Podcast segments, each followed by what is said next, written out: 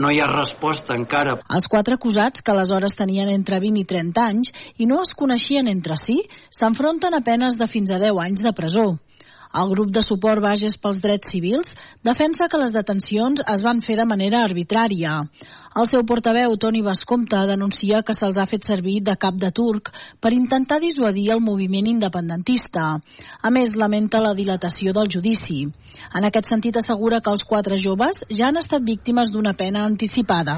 Gràcies, Tània. Escoltàvem a Pere Bascompte, que és el portaveu de Bages pels drets civils. Els parlàvem d'això, de la sequera, de la possibilitat, creuem els dits, que porti una mica de pluja el proper dimecres. De fet, ses majestats en van portar amb la cavalcada, però ni molt menys tot el que fa falta. El nivell dels embassaments de les conques internes, que es troben per sota del 17% de la seva capacitat, aboquen les zones amb més densitat de població de Catalunya a una situació d'emergència. El govern dona per fet que caldrà activar la fase més greu en les properes setmanes. Per la xarxa és un tema que havia preparat la Núria Parera. El compte enrere per declarar l'estat d'emergència per la sequera ha començat, i és que amb les reserves a les conques internes per sota el 17%, la declaració ja és pràcticament inevitable. Doncs eh, és una mica més de... anar una mica més enllà del que ha anat fins ara. És reduir una mica més eh, el consum d'aigua eh, a, a les diferents poblacions. És a dir, la gestió actual és eh, anem a salvar-nos com sigui, no? anem a mantenir el que tenim, el poc que tenim anem a, anem a distribuir-lo bé, anem a guardar-lo, anem a repartir-lo bé, però, però clar, ja hem de començar a pensar que, que, que d'aquí a 10 anys ve un altre i que potser serà encara pitjor que aquesta. L'entrada en emergència reduirà el consum d'aigua a 200 litres al dia per habitant, que en un futur podria baixar a 180 i a 160 litres. A més, també es reduirà el consum d'aigua d'activitats econòmiques com la indústria i l'agricultura. Gràcies, Núria. Escoltàvem en Xavier Sánchez Vila, que és expert en la gestió de l'aigua. Dues i 22 minuts, estem sortint de les festes de Nadal, s'ha acabat ja el cap de setmana de Reis, també en parlarem de ses majestats, però és evident que si han passat els Reis, el que ve immediatament després en el calendari tradicional eren les rebaixes, perquè avui en dia, al no haver-hi ja una regulació, qui més qui menys les pot començar quan vol, però en qualsevol cas aquest diumenge, per a molts establiments comercials tradicionals, van començar les rebaixes. Per això, molts d'ells van obrir portes al centre de la ciutat. Tom Daura és el president del gremi de la UBIC de Manresa. Rebaixes, diguéssim, han estat sempre tradicionalment després d'acabar una campanya forta, en aquest cas doncs, la campanya de Nadal i Reis, i més endavant a l'estiu, quan comença, diguéssim, ja el període en què els estocs doncs, s'han doncs, de treure.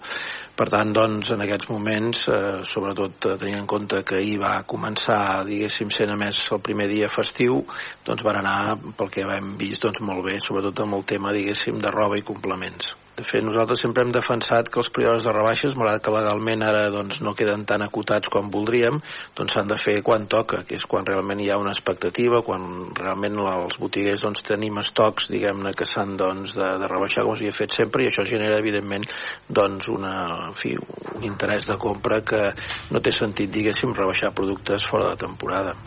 Tot i ser només el primer dia, ja es va notar l'efecte de les rebaixes pel que fa a afluència i moviment de persones, tot i que, com passa des dels darrers anys, la diferència de legislacions i el comerç per internet ha desgavellat una miqueta el que era un inici molt més lluït anys enrere. El que passa que una cosa és legalitat i l'altra cosa són els costums. Nosaltres, eh, independentment d'aquesta legalitat que no ens agrada, que permet que algunes cadenes hagin començat abans, nosaltres eh, doncs, apostem perquè els períodes tradicionals de rebaixes, com deia, doncs, després de la campanya de Nadal i Reis i, des, i després, diguéssim, del mes de, de juny, doncs, que, que se segueixi mantenint i en línies generals doncs, la majoria del comerç local així ho fa.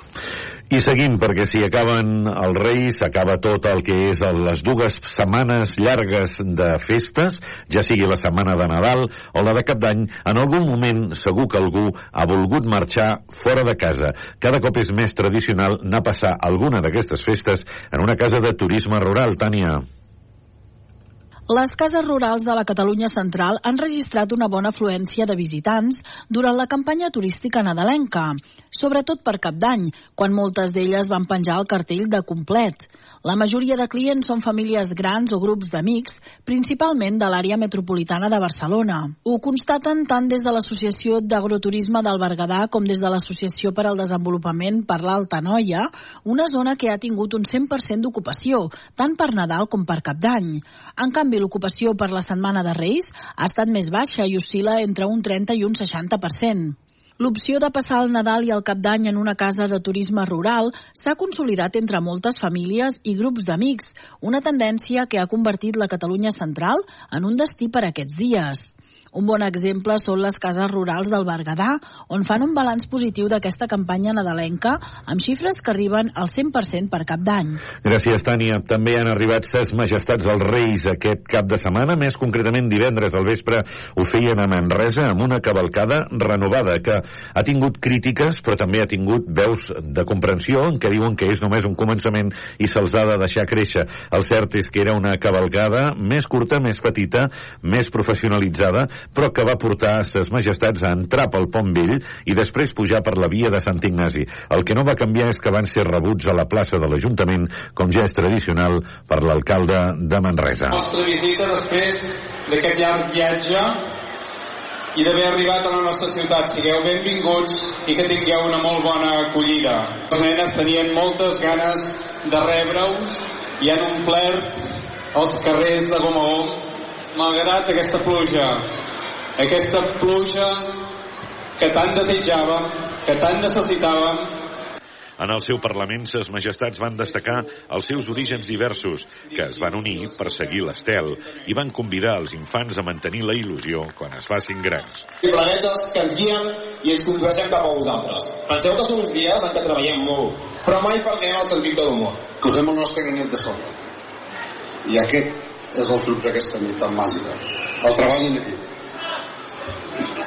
Jo mateix procedeixo de terres europees.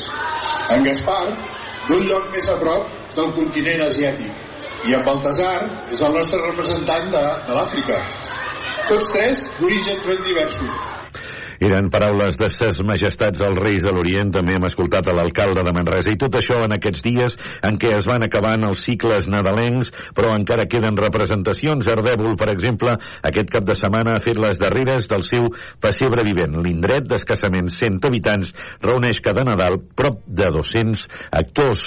Escoltem en Marius Codina, que és coordinador dels pastorets del pessebre vivent d'Ardèvol. Jo quan tenia 6 anys a l'escola vam fer un pessebre per tot el poble com ara i jo tenia aquesta recança sempre de, de... i un dia el dia tots sants que la gent abans anava a missa de difunts vaig dir a les senyores dic, què us sembla si muntéssim un pessebre?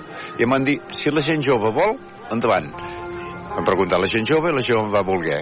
I ja fa 30 anys ja, ja, ja que s'està fent aquest pessebre. Es va parar pel Covid però s'ha tornat a recuperar Anem per una altra de les grans notícies del cap de setmana. A darrera hora del vespre se sabia que el Baxi Manresa, malgrat la derrota, malgrat el seu mal partit a Bilbao, finalment sí que estava classificat per la Copa del Rei Carles Joder. El Baxi Manresa s'ha classificat per poder jugar la propera edició de la Copa del Rei. Serà la vuitena vegada que el Baxi Manresa arriba a una fase final de la Copa del Rei. Se celebrarà a Màlaga del 14 al 18 de febrer. El Baxi Manresa necessitava, primer de tot, una victòria davant del Bilbao. Una victòria que no arribava, ha perdut, a més a més, de pallissa, 74-54, en el, probablement el pitjor partit del Baxi Manresa. Però després, en cas de derrota, com va passar davant del Bilbao, el que necessitava el Baxi Manresa era una victòria del Real Madrid en aquest escenari on estem, el Buesa Arena de Vitoria. I el Real Madrid ha dominat el, el partit des de principi fins al final. Per tant, la victòria contundent del Real Madrid davant del Bascònia fa que el Bascònia quedi fora de la Copa i que sigui el Baxi Manresa qui es classifica per aquesta competició del CAO que se celebrarà al febrer a Màlaga. A més a més, serà una Copa que es coneixeran els rivals per sorteig. El que està clar és que el Manresa no serà cap de sèrie perquè s'ha classificat l'últim per poder entrar en aquesta competició. Se li havia posat el cap de setmana complicat perquè el Tenerife va aconseguir la victòria davant de la penya. El Manresa ha perdut en el pitjor partit davant del Bilbao, però afortunadament el Madrid ha fet la seva feina i qui entra és el Manresa i no el Bascònia. Anem a Bilbao. El partit era important.